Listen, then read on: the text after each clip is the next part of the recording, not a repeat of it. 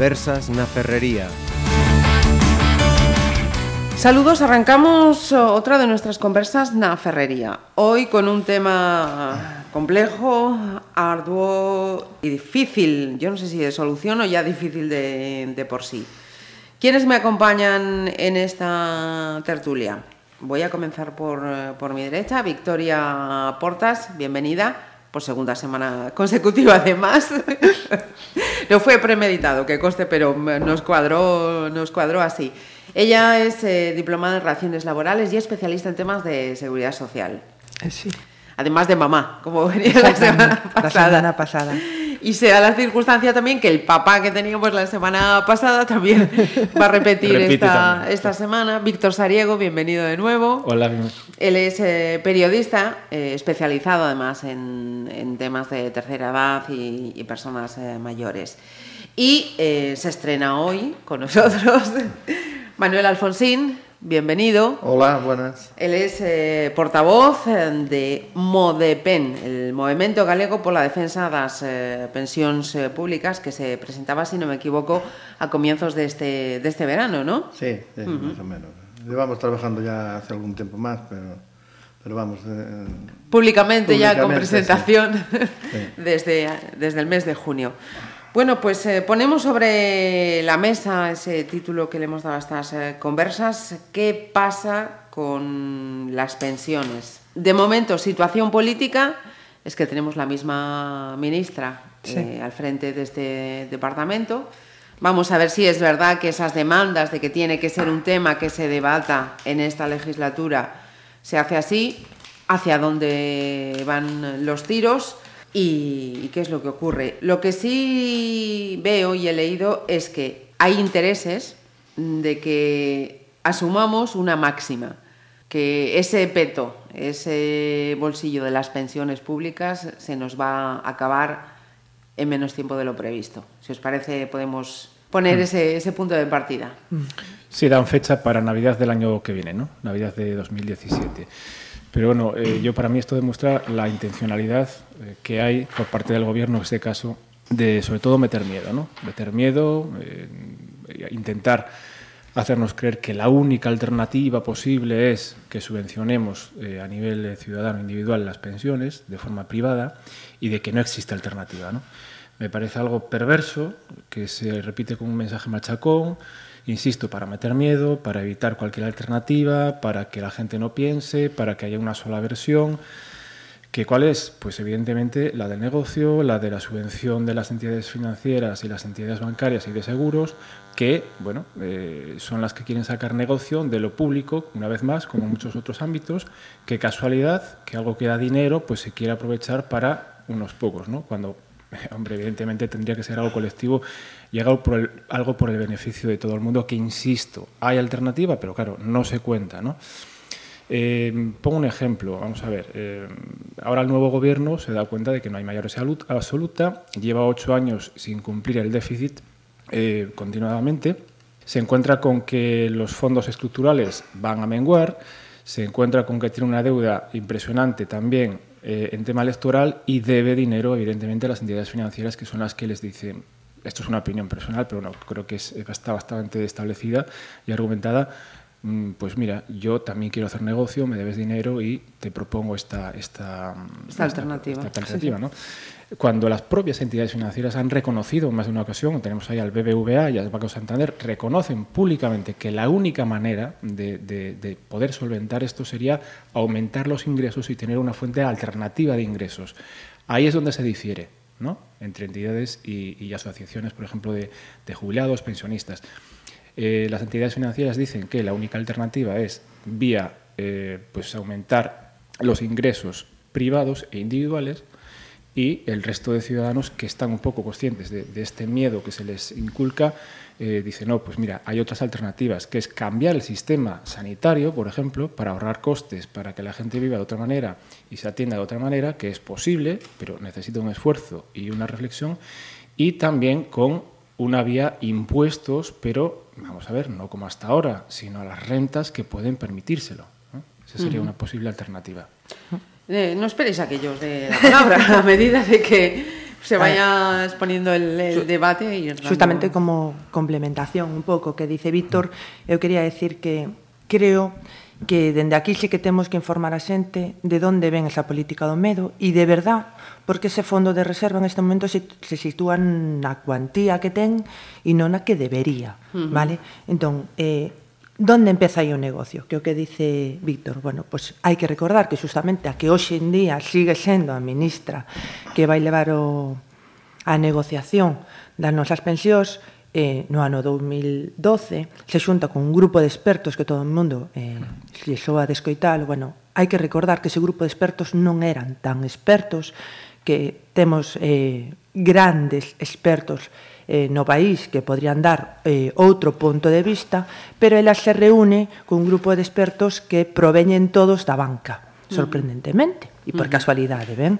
Entón, era xente do BBVA, xente do Santander, xente do Sabadell, eh, de algunhas compañías de seguros como Allianz, mm, e algún representante sindical, donde en este caso deciden, en este caso deciden que o ideal teóricamente é utilizar un factor que o que sai ao final de factor de sostenibilidade e que o mellor é que as pensións como as públicas non van ser sostibles que nos vayamos agarrando a pensións complementarias que como eles digamos que as maquillan pero que veñen sendo fondos privados uh -huh. eh? fondos de pensións privados eh, a, pregunta, a primeira pregunta que a ciudadanía se debería facer era por que ela se reúne con estes expertos cando eh, Temos neste momento eh, catedráticos en Seguridade Social eh, supercompetentes eh, que levan toda a vida, máis economistas neste aspecto, eh, tratando estes temas e que justamente este colectivo é o que dice que sí que as pensións uh -huh. son, ses, son sostibles uh -huh. e que certamente este é un negocio da banca clarísimamente. Uh -huh. Coincido totalmente con Víctor que certamente ese grupo de expertos está programado e pensado clarísimamente sí, para, curioso, sí, que para que o fin sexa o que é. Es curioso, si me permite solo un, un segundo, claro. es curioso que se le llame Consejo de Sabios, son eh, 12 personas, justo. y en esas 12 personas hay 11 que son eh, de las entidades financieras, bancos y entidades de seguros, sí. solo un sindicalista, no hay uh -huh. ningún pensionista, no hay ningún eh, consumidor, no hay ningún ciudadano, en fin. Dejo aí el, el dato. sí, sí, nin ningún catedrático que en este momento se están eh, comunicando que non é certo o dato que nos están dando, ben? Pero pois aparte hai un segundo dato, que claro, que a política do medo que fai é, é que certamente cada vez que salen na tele di no, é que o fondo de pensións este Nadal vai volver a quedar recortado porque hai que quitar unha partida para pagar as pagas extras das pensións. Entón, eu esa parte tamén quero desmentila. É decir, é que o fondo de reserva está feito para, para eso. eso Aí non é onde faltan os cartos. entonces pregunta é, como pode ser posible que en este momento o Fondo de Pensións realmente se esgotou por pagar pensións? Bueno, uh -huh. pois eu quero que a xente o sepa. No, non se esgotou por eso. Ben, entón, comentar que o Fondo de Reserva se crea no ano 2000, uh -huh. vale? Justamente porque hai un superávit na Seguridade Social, na caixiña que usamos donde entran as cotizacións dos nosos eh, traballadores e se pagan as pensións, e esa caixa chega un momento que ten un superávit e por eso se crea o fondo de reserva. De reserva. Ben. Mm. Ese fondo de reserva chega a alcanzar, incluso en plena crise, en plena crise no ano 2011 65.830 millóns de euros. Quero dicir ben a cantidad, eh, que é superimportante, 65.830 millóns de euros. E de repente, como pode ser posible que do 2011 ao 2016 nos atopemos con que en este momento ese fondo de reserva ten máis ou menos uns 24.207 euros. Entón, a pregunta é, realmente todos eses cartos se sacaron para pensións? No, no. Uh -huh. Entonces, ¿por qué se permite que se quiten cartos para pensións o sea, para outra cousa que non son, que non pensións. son pensións. Eso é importante. Ben, pois mm. no ano 2000, cando se creou ese fondo de reserva, con el, obviamente, se creou unha, legisla unha legislación do uso ou non uso que se debía dar a ese fondo. Ben, Justamente aí marca algo moi importante que quero que a xente entende, que entenda que esta é unha política que se está facendo cara a banca e que é importante que entendamos que cando non decimos que se fai un uso fraudulento do fondo de reserva é real e os datos o dan, é que se establece unha das características para xestionar este fondo é que o máximo que se podería retirar por parte do goberno que fose, un máximo anual dun 3% do acumulado, caiga, sempre caiga un déficit estructural no sistema de pensións. Ben, claro, resulta que o goberno do PP e considera que ese 3% non lle dá liberdade de facer o que eles queren, e entonces con un 3% por cada ano en este momento non estaríamos na cuantía na que estamos, decide quitar un real decreto, ben, que o que fai é no, no 2012, donde anula o, o, o ordenamento e o funcionamento dese fondo de reservas eh, deroga ese límite do 3% e deixa unha disposición libre, libre. absoluta co, eh, para dispoñer deses cartos e eh, invertilos nas cousas que les consideran oportunas, incluídas principalmente políticas de emprego. Ben, é dicir, facemos unha reforma laboral no ano 2012 que provoca que as cotizacións sexan inferiores. ¿Mm?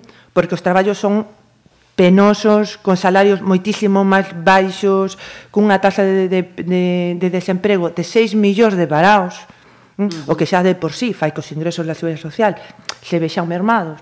Pero ainda así deciden quitar do fondo de reserva que está única e exclusivamente pensado para pagar pensións, para máis que en ese momento se pagaban todo tipo de pensións e non as contributivas como se está obrigado a facer neste intre e dende 2013, e o utiliza para facer unha inversión en outros sectores. Ben, compra deuda pública, cousa que só sae na prensa exterior e non na, na prensa nacional, ninguén o di, pero sí que o dicen os grandes periódicos internacionais do que está facendo o goberno español, si se utiliza para políticas de emprego, entón, o que non nos poden decir pola televisión todos os días, ou al menos a cidadanía non nos podemos creer, é que non digan no, é que está Nadal, o Fondo de Reserva vai volver ver, ver un recorte granduoso porque hai que pagar as pagas extras aos pensionistas. Recordo, recordo, dende a lei do ano 94 de Seguridade Social, os pensionistas deste país cobran 14 pagas e cobran uh -huh. a paga de Nadal, foi sempre. Uh -huh. E en cambio o fondo chegou a ter 63 millóns de euros. Entón, ese dato é importante. O sea, eles saquearon o fondo para ahora, co medo Facernos convencer de que non hai cartos. Hai que recordar, eles deberían devolver os cartos que quitaron para políticas que non son de pensións e entón o sistema de pensións non estaría nesta situación. Uh -huh. Bueno, eu quería facer unha pregunta, non? Quenes son os verdadeiros beneficiarios de toda esta crisis e de todas estas exigencias da banca? Pois non son máis outros que os banqueros, os, os empresarios, e cando falo de empresarios non me refiero a, aos pequenos empresarios, aos autónomos, autónomos sí. e demais, non? Me refiero, me refiero aos grandes empresarios. Claro. Bueno, esta, este, esta xente é a que verdadeiramente está eh, beneficiándose pois dos recortes que se están facendo na sanidade, dos recortes que se están facendo nas pensións, dos recortes, vamos, de todo tipo que está facendo o goberno, da reforma laboral, uh -huh. a implantación de salarios que son de miseria, salarios que e, a, e das condicións laborales, porque as condicións laborales xa non só é que haya que haya un que haya un, un convenio ou que haya ou que haya unhas determinadas condicións de mm, de negociación cos traballadores, non? Senón que mm, o que ocorre é que eh, tal como se están facendo as, a, as relacións laborales en este momento non existen as inspeccións de traballo. Os inspectores de traballo non se ven polas, polas fábricas, nin se ven polos, polas cafeterías, nin por ningún sitio. En donde hai centos, miles de traballadores que están traballando eh, con contratos de 4 horas ou de menos, ou de menos, uh -huh. eh, e traballan 10 horas, incluso máis, eh, e incluso sí, máis sí, sí, de 10 horas. Entonces, isto é a verdadeira causa de, de, da crisis que... Eh, Non sei que pasa cos Sí, eh, alguna interferencia eh, tenemos bueno, os móviles. Isto eh, o, o que ocorre é que eh, todos estes cartos que se deixan de recibir de mm, polos traballadores, ademais tampouco están pagando impuestos, os impuestos que tendrían que estar pagando en caso de claro, ver, eh, eh, para poder recaudar, claro. facer recaudación Justamente para... vamos facer aí unha unha anotación que é importante que o cidadanía coñeza e é que dá casualidade, dá a casualidade que no tramo que vai do 2011, vale, hasta o 2017 casualidades, a décima legislatura do PP, exactamente a décima legislatura do PP, eh, hai unha subida de cotizantes na caixa de pensións, unha subida, pois conto depois en o que repercute, unha subida de cotizantes na caixa de pensións e de repente, cando o goberno quita a reforma laboral no 2012, esa subida de cotizantes cae abruptamente e eh, fai igualmente que inda cunha subida entre o 2000 e, bueno, volva a recuperar justamente a partir do 2014, non? Pero que ocorre? Que resulta que con máis número de cotizantes en, en cómputo de xornada completa hai menos ingresos. Por qué? No, se supón que si aumentamos en 16.000 o número con 76.000 o número de cotizantes, como pode ser posible que haiga menos ingresos? Porque o posto de traballo, as condicións laborais son precarias moi precarias, uh -huh. traballos moi temporais, cunhas contratacións justamente do que comenta eh, Manuel, completamente... A, a, masa, a masa salarial baixou mm, pois, pues, alrededor do 25%. Debería ser a menos Entonces, puestos, máis salario, e en cambio en este momento estamos nunha situación de menos traballadores, peores salarios, non se dá os ciclos económicos normais, e isto claro. provocado polas eh. políticas sociais, eh, laborais, y de prestacións que se está levando por este goberno. Sí, yo en conclusión creo que es un problema político, no sí. económico. ¿no? Sí. Eh, hay que mencionar también la productividad, es decir, si antes pues, los agricultores que levantaban el país eh, con el 30% de la productividad hace unos años, ahora eh, un, un, un, solo trabajador tiene la productividad de a lo mejor 10 trabajadores de antes, ¿no? y sin embargo no redunda en que haya más presupuesto. Ahí está un poco también la perversidad de la que hablaba, ¿no? es decir, eh, las pensiones ahora solo se subvencionan con la seguridad social. Uh -huh. Tienen que tener también una subvención, unos ingresos por parte de otras partidas del Estado. Es decir, tiene que ser tema de Estado. No puede ser que todo se cargue sobre la seguridad social y, qué casualidad también, se destine el dinero de la seguridad social ahora no solo para pagar las pensiones, sino también para otros gastos, otras partidas. Esas partidas tienen que estar cubiertas con los presupuestos del Estado, por otra parte, ¿no? Uh -huh.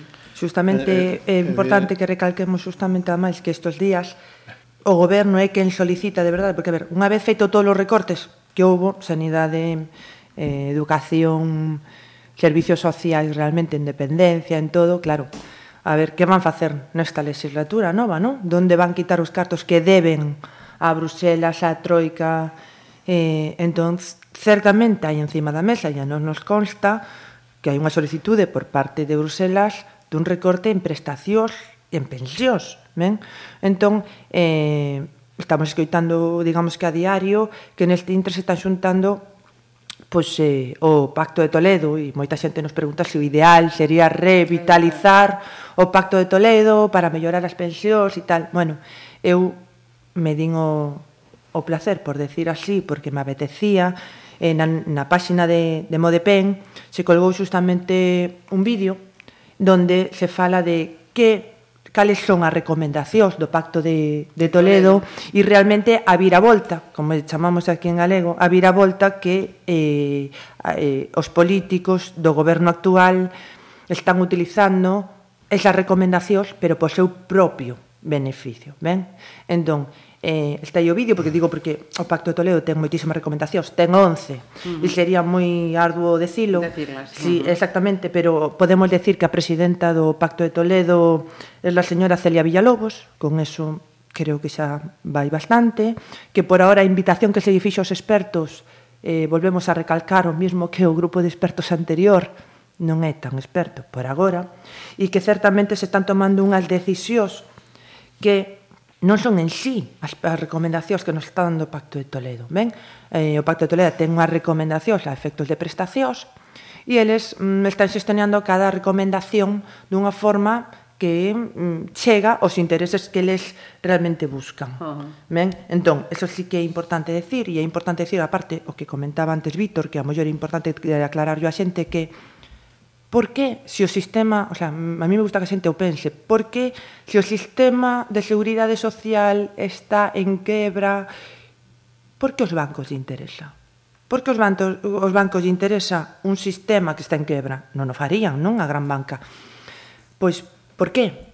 Pois tan fácil como que o cómputo que se ten dos ingresos que se están realizando por parte dos cotizantes deste país incluso, eh, coas cuantías de desemprego, alcanza os 125 millóns de euros na caixa de pensións.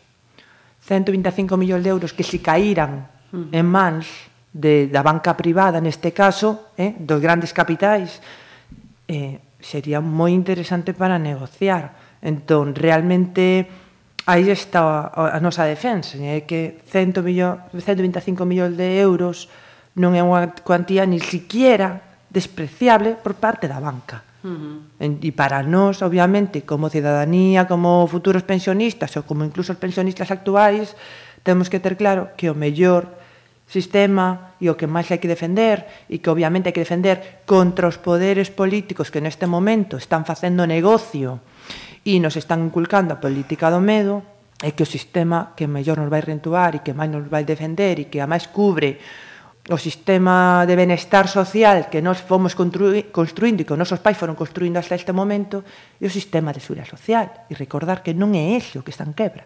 Uh -huh. O que está en quebra é o sistema económico que as políticas neoliberais que acaba levando o, o goberno que temos na actualidade e o que acabamos de deixar están levando a cabo. Uh -huh. Manuel, yo, perdón, bueno, Víctor. Sí, sí. cable, cable. Bueno, o, por que nos afecta tanto o progreso o progreso tecnolóxico a, a todos en general, aos traballadores en particular e aos jubilados tamén, porque isto nos afecta de rebote, non?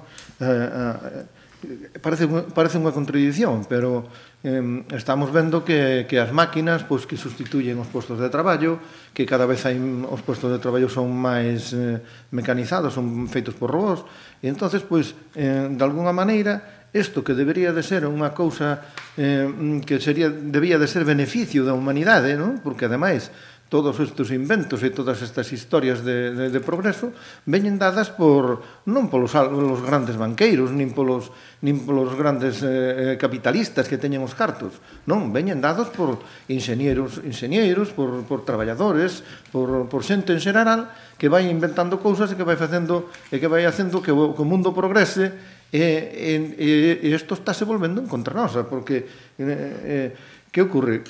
quitan cada vez máis puestos de traballo pero non, non repercuten, esas máquinas non pagan impuestos. Eh, o, solo son beneficios para os, para os capitalistas. E isto eh, non, é, non é de recibo, isto non, non, non pode seguir así. Porque chegará un momento en donde coa, coas, reformas, coas reformas tecnológicas que hai e que, habrá, e que verán no futuro, porque habrá máis, e, e cada vez habrá máis, máis eh, eh, cousas deste tipo, pois chegará un momento que donde nunha fábrica que traballaban como vou poñer un exemplo, Ence, en Ence traballaban 620 tantas persoas cando, cando estuve eu traballando ali. Ahora mismo, ahora mismo están, creo que por debaixo dos 300. Entonces, isto por qué? Pois pues isto é porque hai unha, unha ten, unhas novas tecnologías que se están aplicando e que, e que o único que fan é que cada vez as empresas teñan máis beneficios. Ao mesmo tempo tamén teñen tamén hai que, bueno, as empresas teñen que ter beneficios, evidentemente, non, para que para que poidan subsistir pero é que estes beneficios non se reparten cos traballadores, non se reparten coa sociedade. Entonces, eh, por aquí, por, este, por esta vía, de, eh, por donde habría que empezar a pensar que, que, que os impuestos son os que teñen que favorecer tanto aos, aos traballadores como aos pensionistas, porque senón non vamos a ninguna parte. Un mundo eh, en donde somos en este momento, cerca, creo que son máis, máis de 7.000 millóns de habitantes, Mm, eh, non pode non pode aguantar non pode aguantar un tirón tecnológico en donde deixen a máis da mitad da población sin traballo, porque entonces vamos a comer uns aos outros. Claro, non queda, non queda justamente eu creo que xa eh, é a política do medo que están empleando, é mm. dicir, hai que ter moi claro que o privilexio das novas tecnoloxías e o privilexio de ter máis esperanza de vida, iso é un privilexio. Iso non é algo que nos están convencendo de que é un pesar. Eh, que es que la idea privile... precisamente claro es, es, a ver o gran... es que cada vez tenemos más esperanza claro. de vida o, pri... sí, o gran privilexio que ten esta sociedade sí. é que gracias aos avances que temos tecnolóxicamente deberíamos gañar máis por menos traballo esa é a técnica e viviremos máis. O que claro. non pode o goberno justamente decir, ai, non, non, é que como temos máis tecnoloxía e on por encima vivimos máis, que nos queren matar a fame de, da única forma recortando pensións. É un privilexio que fixemos a humanidade, neste caso, neste país que nos costou o noso e que vamos por detrás de moitas outras potencias mundiais e que eso non é un pesar sobre, sobre as prestacións. É dicir, outros países noutra índole tomaron outro de tipo de determinación. Certamente, as ah, grandes tecnoloxías teñen que dar liber, ah. teñen que dar paso a salarios moitos máis elevados, porque a xente está moito máis profesionalizada e con moito máis especialidade, con lo cual deberían percibir salarios moitísimo máis altos e que, ademais, as grandes riquezas paguen impostos que lle corresponden e non topeados como neste intre. Entón, eso cotizarían e eso repercutiría en todo tipo de servicios sociais que precisamos porque vamos a cara a iso, a que como ben decimos como galego sempre, hai que traballar pouco e gañar moito.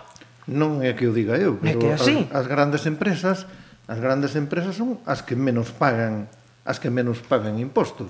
Entonces, mm. eh, eh, esto ten que cambiar de alguna maneira, porque mentras un traballador pode pagar hasta un 20 e tantos por cento de, de, de, de IRPF, as empresas en moitos casos pagan en cantidades ridículas, non? E non olvidemos la SICAF, non? Eh, 1 ou 2%, non? En caso eh, eh, incluso en algúns casos pois eh, reciben subvencións porque claro. eh, declaran pérdidas, eh, teñen uns moi bons abogados eh, e que este eh, saben pa... falsificar as as contas. Claro. As contas sempre se poden maquillar. Sí, sí. Entonces fan as contas que les queren, como pasou, por exemplo, co caso da dos bancos que eh, podemos recordar a Caixa Nova, a Caixa de Galicia e, de, e demais, eh, todas as caixas que hubo en, en todo o Estado español, uh -huh. que resulta que mm, eh, todos era unha maravilla, todos tiñan beneficios, todos tiñan tan resulta que ao final hubo que rescatalas porque porque todo era era mentira todo. Entonces, isto uh -huh. Pues é unha cousa que que que tendría que tener unhas, unhas responsabilidades e que esta xente debería de estar era na cárcel, porque esta, estes altos directivos que levaron que levaron aos bancos a que levaron aos bancos a, a esta situación deberían de estar na cárcel. E, e os que están na cárcel son os pillagaliñas, non son outros. E isto non pode ser, isto non pode seguir estendo así. Claro, claro es que estamos hablando eh, un pouco a, a hilo de esto, eh, lo que decíamos antes, ¿no? se está vinculando la, la, la rentabilidad a la productividad, ¿no? De una manera, vuelvo a decir otra vez la palabreja, interesada y muy perversa. ¿no?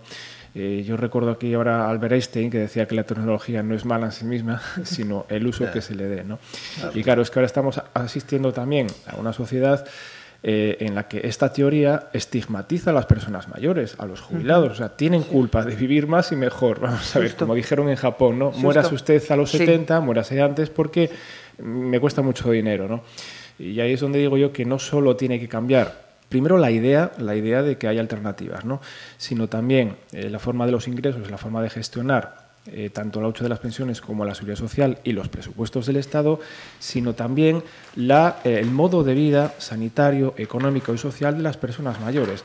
Está demostrado, yo que trabajo en el ámbito de la geriatría, la gerontología, pues que otro sistema sanitario, otro sistema social, otro sistema de cuidados, de dependencia, de asistencia a domicilio, por ejemplo, pues llevaría a un ahorro, si nos ponemos objetivos sí. y fríos, llevaría a un ahorro eh, evidente en la seguridad social y a un ahorro eh, económico de, de, todo el Estado. O sea, habría que cambiar también eh, esa mentalidad y aplicar cambios en, en el sistema sanitario. E unha nova xeración eh, de postos de traballo É que justamente tamén. o problema que hai aquí é que eh, as únicas políticas que este goberno, unha vez que empeza a crise neste país, toma é recorte, recorte, recorte e recorte. Cuando outros países, que hai que recordalo, que non solamente este país eh, sufriu a crise, uh -huh. é que non é certo, toda a Europa en xeral a sufriu. Que ocorre? Que hai outros países, como vos podo mencionar Francia, Bélxica, Suecia, que tomaron outras alternativas men a, a, os recortes que o que se leva facendo aquí. Entón, certamente estamos nun ciclo económico diferente, nunha situación diferente e que, ben como dice Víctor, vamos hacia unha sociedade de maioridade gracias aos progresos, non é a contra, é gracias aos progresos e eso era o que queríamos ir realmente, o sea, eso foi o que buscamos dende sempre. Entón, digamos que temos que pensar en mudar a políticas que se están levando tanto a niveis sociais como a nivel económico e como a todo tipo de niveis para adaptarnos ás novas situacións. Pero que as novas situacións non son recortar.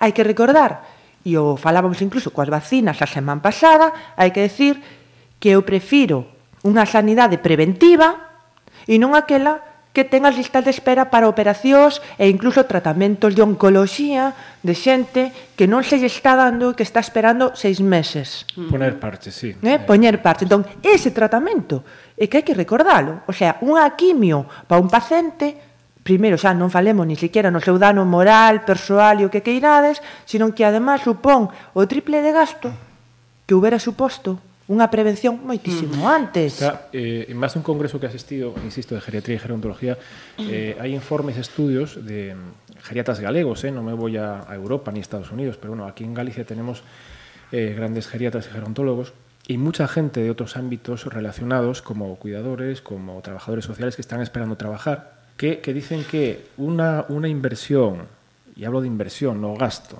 en prevención sanitaria, sociosanitaria, ahorraría a largo plazo hasta un 30% del gasto, y si digo gasto en este caso, de la seguridad social. ¿no? ¿Qué pasa? Que las políticas actualmente son a corto plazo y son eh, de foto y voto, para entendernos. Uh -huh. y, y claro, ningún político se quiere comprometer a unas políticas de 8, 12, 20 años. ¿no? Pero no, el envejecimiento está ahí.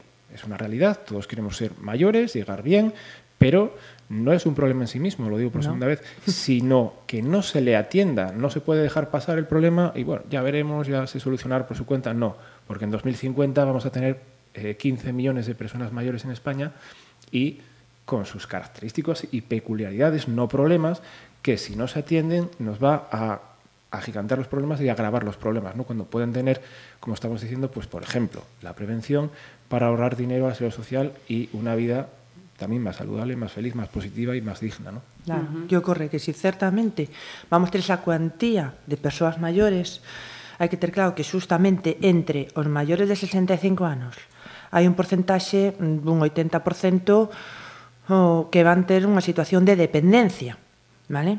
E que ademais dentro desa dependencia e desas persoas maiores de 65 anos da casualidade que as mulleres temos unha esperanza de vida neste intre de 5 anos por riba dos homes pero que no ano que fala Víctor posiblemente cheguemos aos 8 anos por riba da... hai que comentar que justamente en este caso o que non podemos seguir é recortando pensións porque que vamos a hacer dentro de 10 anos con ese número de poboación con pensións por baixo dos 400 euros? -huh. que é o que nos está plantexando a nova política que se está a querer levar nesta nova legislatura que eso non é a salida, o recorte non é a salida. E sí que hai eses ingresos neste país, o sea, este país sí que é o suficientemente rico como para xestionar outro tipo de política que non sexa base de recortes en todos os sectores necesarios que teñamos en pleno funcionamento. A salida, eu penso que é a, a, o reparto do traballo. O reparto, si, si mm, ahora estamos traballando, bueno, non oito horas, porque a realidade é que moita xente traballa moitas máis de oito horas, non? Pois habrá que facer como en Suecia, que baixaron a xornada laboral a seis horas diarias, e, o casos polo estilo, non? Sí. Entonces, eso é unha forma de, de, de que a xuventude empece a traballar, porque na xuventude, a xuventude é unha das máis perjudicadas desta, destas crisis, non? porque ahora mismo creo que está sobre un, un 50% de parados. ¿no? 50, 53. 53%, non? Bueno, pois pues eso, eso é inadmisible, é inadmisible nunha sociedade que se chama civilizada, porque isto non ten sentido ningún. Isto a donde nos vai a levar? Estamos preparando unha xuventude mm, mm, que é máis preparada de, de, de fai siglos, a máis preparada, e resulta que están todos no paro ou, os mellores eh, os mellores pois eh, aproveitanos en outros países para que estamos formando a, a Alemania a Francia e a, e a Estados Unidos e, e a outros países estamos formando nos os, os, os, os técnicos que, e, Justamente, que además hai que mencionar que eses países que tú acabas de nombrar eses países entraron en crise exactamente igual que a nós. E a diferencia está que justamente a decisión que toman os sistemas de seguridade social tanto francés como belga como sueco, neste caso, como incluso Alemania, é que toman a determinación eh, de transferir cartos dos seus impostos ás súas caixas de pensións. E o único país que toma a decisión de recortar sobre recorte e sobre recorte é España. É o único, e eso está aí nas estatísticas. Non fai falta escondelo en ningún lado. Eh, país, eh, tres países os cuales eh, se Fago moita mención e a fago porque ademais estamos como nun estudio moi profundo justamente porque os grandes catedráticos están tomando alternativas por aí e, sabe, e sabemos eh, que neste caso o goberno tamén as está intentando comparar, digamos, uh -huh. no? como está funcionando ese tipo de sistemas diferentes que se toman de pensións nos outros países, e justamente, digamos, que se fixo un estudo profundo entre o sistema que se toma como alternativa en Francia, o, o estudo que se toma como alternativa en Bélxica, e o estudo que se toma como alternativa en Suecia, que aí cambiaron a forma de legislar e a forma de financiar vale as súas pensións, e eu eu, e o digo eu a nivel persoal, medo me dá que decidan tomar o modelo sueco, que ademais parece ser que é el que máis le gusta a nuestra ministra, e o noso goberno. Uh -huh. Porque eh, si te parece, si, situamos efectivamente, porque en Europa creo, si no me equivoco, me corregís que vosotros estáis mucho más puestos que, que yo, digamos que hay eh, tres sistemas eh, diferentes, sí. ¿no? Uh -huh. eh, precisamente a ese que tú señalas eh, serían países como Suecia, como Suiza, como Holanda uh -huh. o como Dinamarca, ¿no? Y nos están diciendo o vendiendo, además es la conclusión creo que yo extraigo después de todo lo que he estado mirando, que eh, al final es el más eh, protector, el más beneficioso para los futuros eh, pensionistas. Mentira. Y que está, sí, sí, no, pero es, es yo te digo, eh, la conclusión sí, o sí, la, sí, la imagen que nos están vendiendo a, a trasladarte, quería ¿no? que son los más proteccionistas, que son los que más evitan ese umbral de, de la pobreza, pero que al final estamos hablando de una aportación eh, pública y mensualmente en tu salario te retiran una cantidad para esa pensión privada, ¿no? Sí. Que Digamos que o sistema sueco é o sistema de ter a pensión pública uh -huh. e un fondo de pensións privado nun banco Ajá. e que en función dos intereses que dea ese banco, tú vas a percibir unha pensión, ben? Falando máis claramente, eh, ese método é o método chileno. É o método chileno que estes días está levando a millóns de chilenos á rúa porque é un total e absoluto fracaso fora de un total e absoluto roubo das súas pensións. Eh, esta misma semana salieron a la calle y uh -huh. yo tengo el dato aquí, Justo. solo en toda América Latina, solo 13 millones de adultos tenían acceso a pensiones, pensiones muy bajas por otra parte, sí. y esto contagia, sobre todo con el nuevo presidente que van a tener en Estados Unidos, sí. esto contagia a Norteamérica eh, en el sentido de que, ya lo dicen los economistas, no, no hace falta que lo digan personas eh, de la calle, parece que no se les hace caso, eh, que es un fracaso. O sea, el mm. sistema privado y el sistema que promulga estos países que mencionamos en Europa o Domenech en el BBVA mm. es este. ¿no? Además se quejan, es curioso que tiene la misma queja todas estas entidades que dicen que, bueno, que hay que cambiar el sistema, privatizarlo, subvencionarlo, que además es curioso que haya dinero para subvencionar, pero no haya dinero para pagar directamente. ¿no? Eh, que es que pagamos, o sea, que tenemos las pensiones más altas de toda Europa, que cotizamos menos que toda Europa, en fin, eh, por aí van un pouco las quejas, ¿no?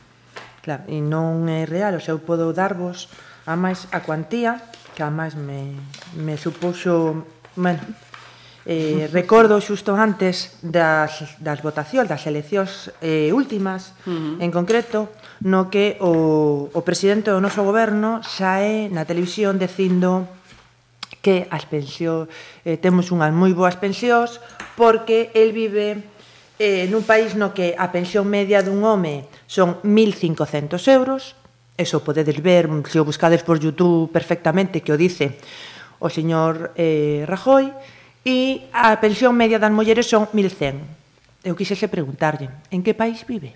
Porque aquí non. Uh -huh. E non o digo eu, o digen as estadísticas. E o dicen as estadísticas que eh, non son nin dunha vertente política nin da outra. Que eso é importante decilo, os seus datos teñen que ser justamente os que eles mesmos utilizan. Ben, bueno, pois recordarlle recordar o noso actual presidente, que volvemos a repetir, decirlle que a, a media, o sea, neste momento temos eh, 8 millóns e medio de pensionistas neste país, onde 5 millóns de pensionistas, porque hai que recordar que hai outro tipo de pensións, 5 millóns de pensionistas son xubilados. Ben, a pensión media, media, neste país son 898 euros. Vale? Non as cuantías que el comenta. Vale? Recordar que Galicia ten unha pensión media para que, como ademais como presidente soe presumir de que é galego, lle vou recordar que a pensión media galega son 747 euros, a segunda máis baixa de todo España. Se por encima nos parece pouco, vamos comentarlle que ademais que recorde que a pensión mínima neste país e neste ano, porque se vai volver tocar, e é algo importante que hai que decir, a pensión mínima neste país son 600 euros. Bueno, por recordarlle que a poboación galega mulleres somos un 51%, é dicir, somos máis mulleres que homes. Entón, el ou goberna ou non o 51% desa poboación. Pois as mulleres galegas temos unha pensión media de 617 euros, é dicir, 17 euros por riba da media. Entón, de 617 que o que cobramos as galegas hasta os 1100 que o noso presidente de goberno, que ademais presumiblemente presume de ser galego, quixese que me explicase de que país ven. Eu non sei se por pasar tanto tempo con Merkel chega a equivocarse cuantías. Entón é importante recordarlo e recordarlo que temos esa media non pola riqueza deste país, que gracias a Dios estamos moi orgullosos e en este caso casi que hai que repetilo de ser galegos, porque ademais temos unha riqueza impresionante, eh?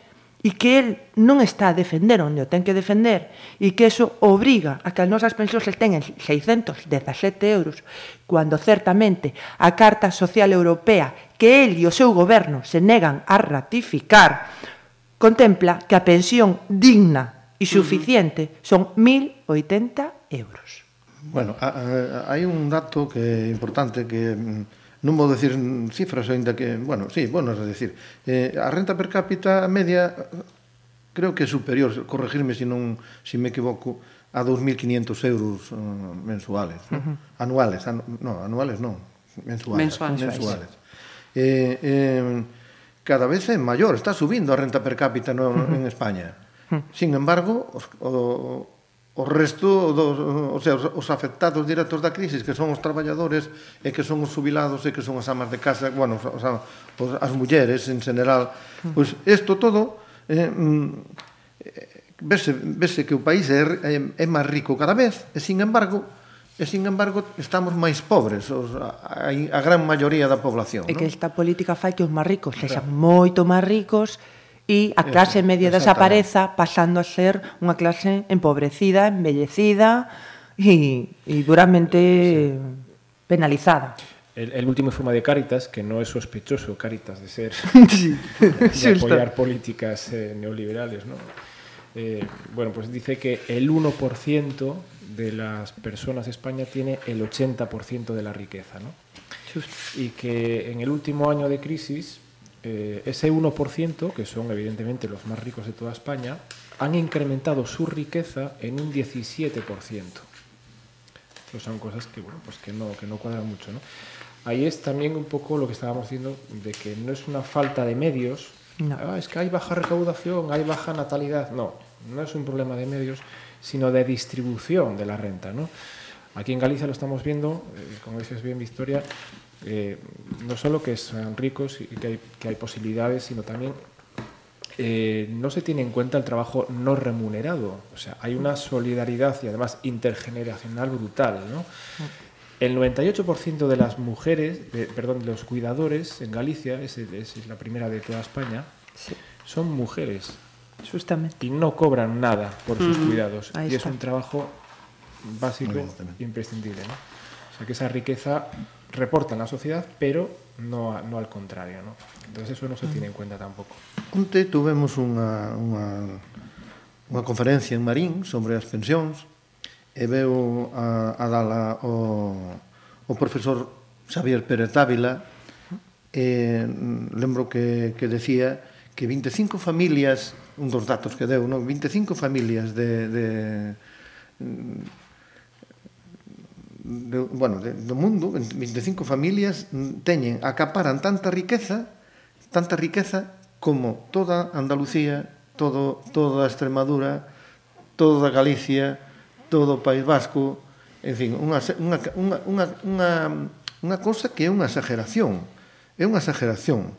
A donde vamos en, con este sistema? Isto é un, unha acaparación de, de, de, de, de poder e de, de recursos dos grandes, que non ten sentido, porque ademais parece que é unha avaricia total e absoluta, parece que están en querendo ser mm, cada vez máis ricos, cada vez máis cada vez máis poderosos, influir en todo. E que aquí se eh, goberna eh, e se eh, legisla a favor eh, deses grandes capitais, non a favor da eh. sociedade eh, e da xente da eh, pé. o goberno, o goberno, o goberno vese que está claramente posto por esta xente.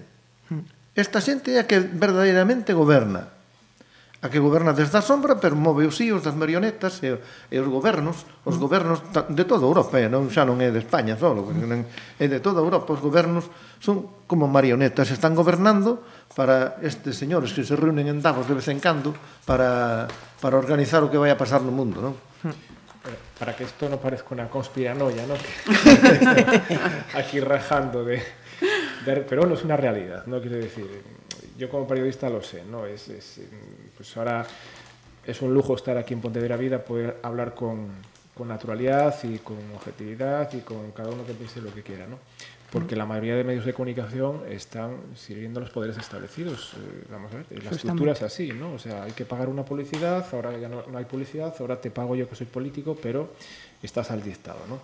Entonces, claro, insisto, la, la, la idea que hay está, está mm, totalmente dirigida, ¿no? exceptuando algunos medios que son independientes. Ahí tenemos Internet, que es un nicho que se tiene que explotar y que es una alternativa muy defendible. Eh, decía pues que no parezca una conspiranoia, es, re, es realidad, ¿no? Y para dejar de quejarnos, pues yo creo que, a ver, datos positivos. Eh, concluyendo un poco, creo que hay alternativas. Estamos viendo que por supuesto que hay alternativas. ¿Por qué no han hecho ya eh, las entidades financieras eh, de seguros y bancarias ya, por qué no se han hecho dueñas de este sistema? Pues yo creo que principalmente porque es un derecho, es un derecho histórico y además constitucional, el artículo 50 lo refleja.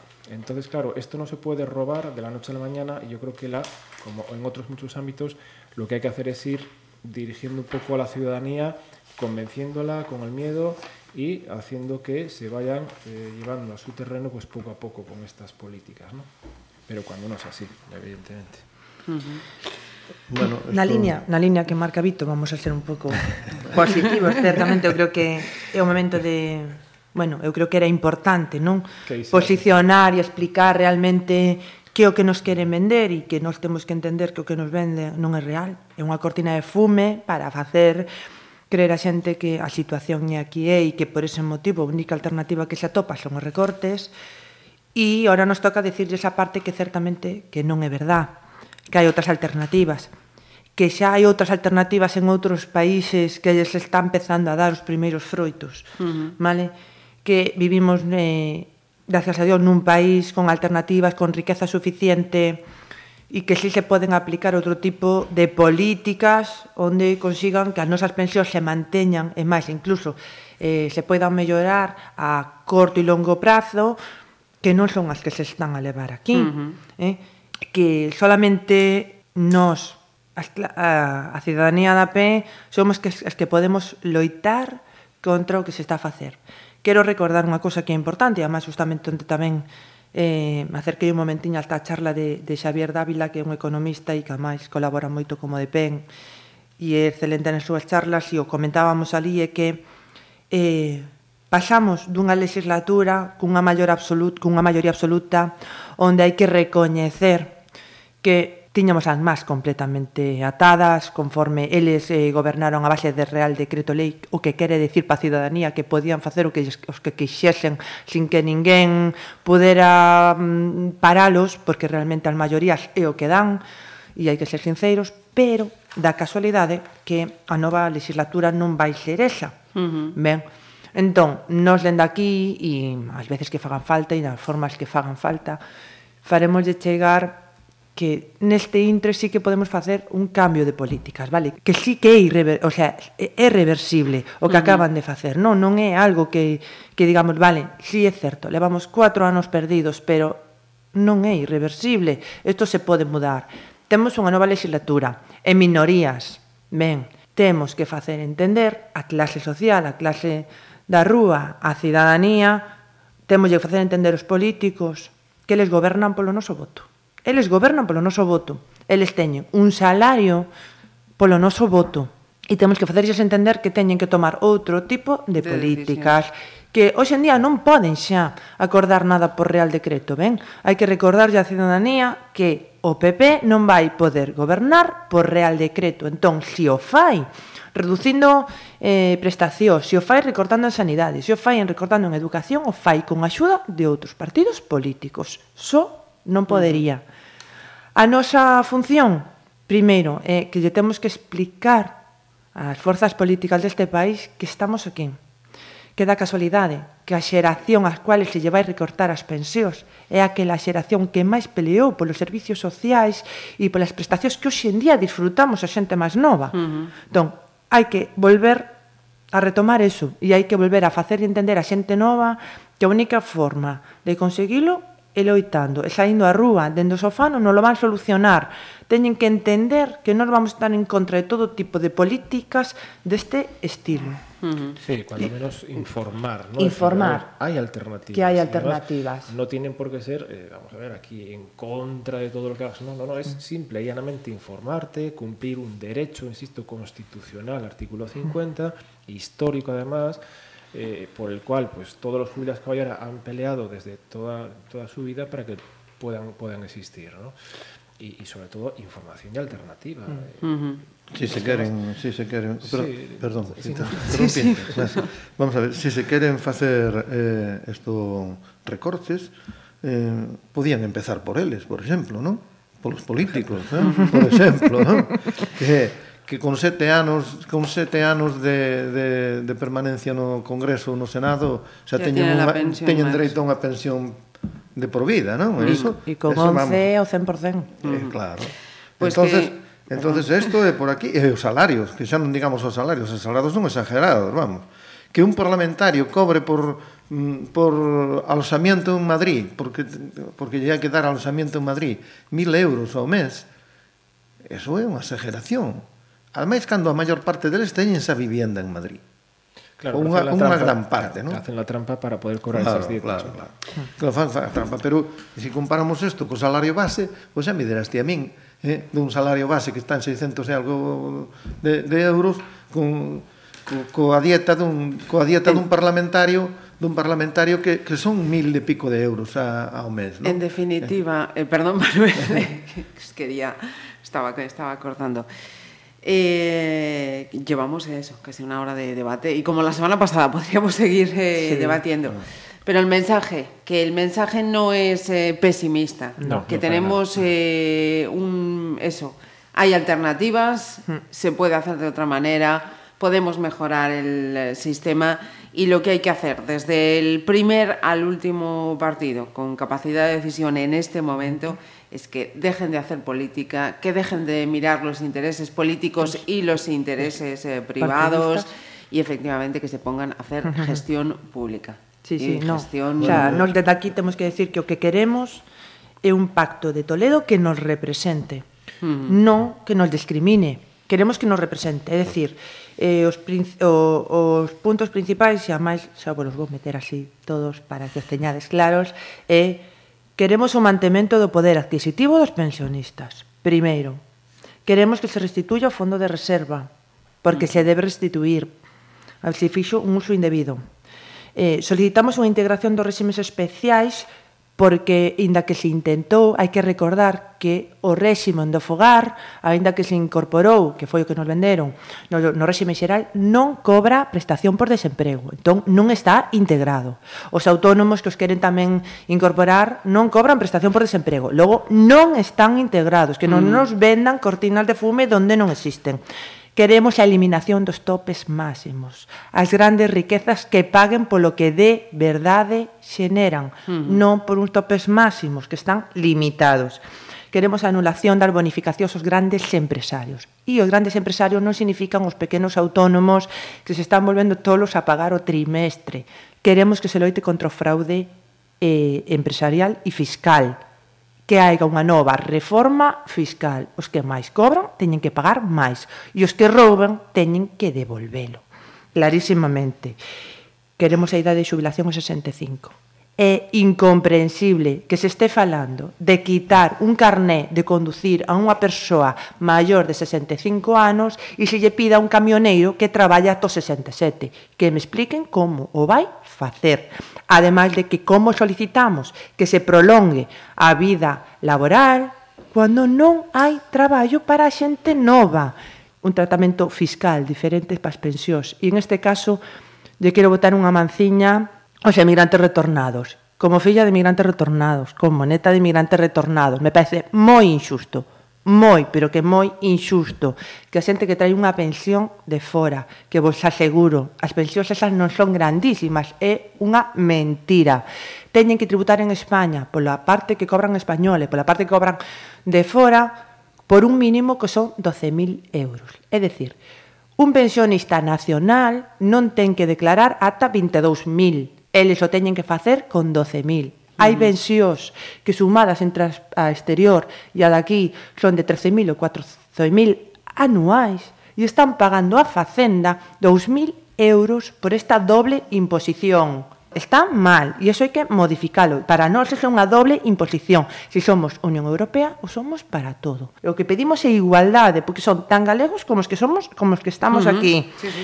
Obviamente, non defensa dos sistemas complementarios. Cando se fala de sistemas complementarios, se, fanda, se fala de, de pensións privadas na banca. E iso é capitalizar a banca. Este país rescatou a banca. A banca é privada. Vos mirastes en algún momento que este país rescatase as pequenas empresas que daba postos de traballo a cinco ou seis traballadores e debido á situación económica tiveron que pechar.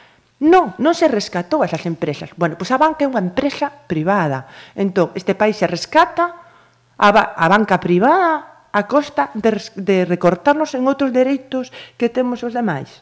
No. E por último, obviamente, esas pensións hai que garantilas.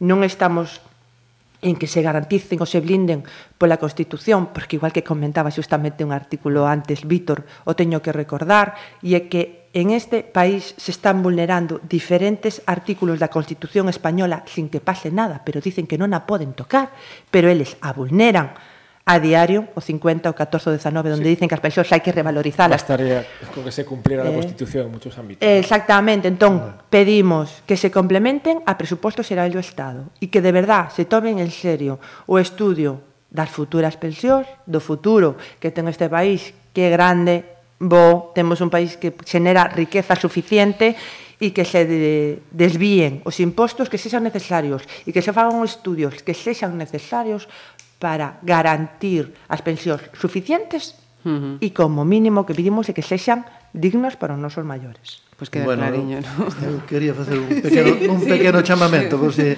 Manuel. Quería facer un, un, un chamamento a, a, aos sindicatos e aos partidos políticos que deixen de ver para outro lado e que nos juntemos todos a, a loitar con, a favor das pensións porque eh, as pensións das, dos, dos jubilados que estamos e dos futuros que son os traballadores que están ahora mesmo en activo que se, algún día serán jubilados e temos que salir á rúa para defender. E, e e de que tratemos de colaborar os sindicatos e máis en Modepen, que aínda que non é un sindicato, é un movimento que está composto de, de, de, de moitos ex-sindicalistas, a maioría de nós somos sindicalistas, e, e bueno, pois queremos que, que a xente pois salga á rúa, salga á rúa a defender o seu, as súas pensións. Victoria, Víctor, Manuel, muchísimas gracias.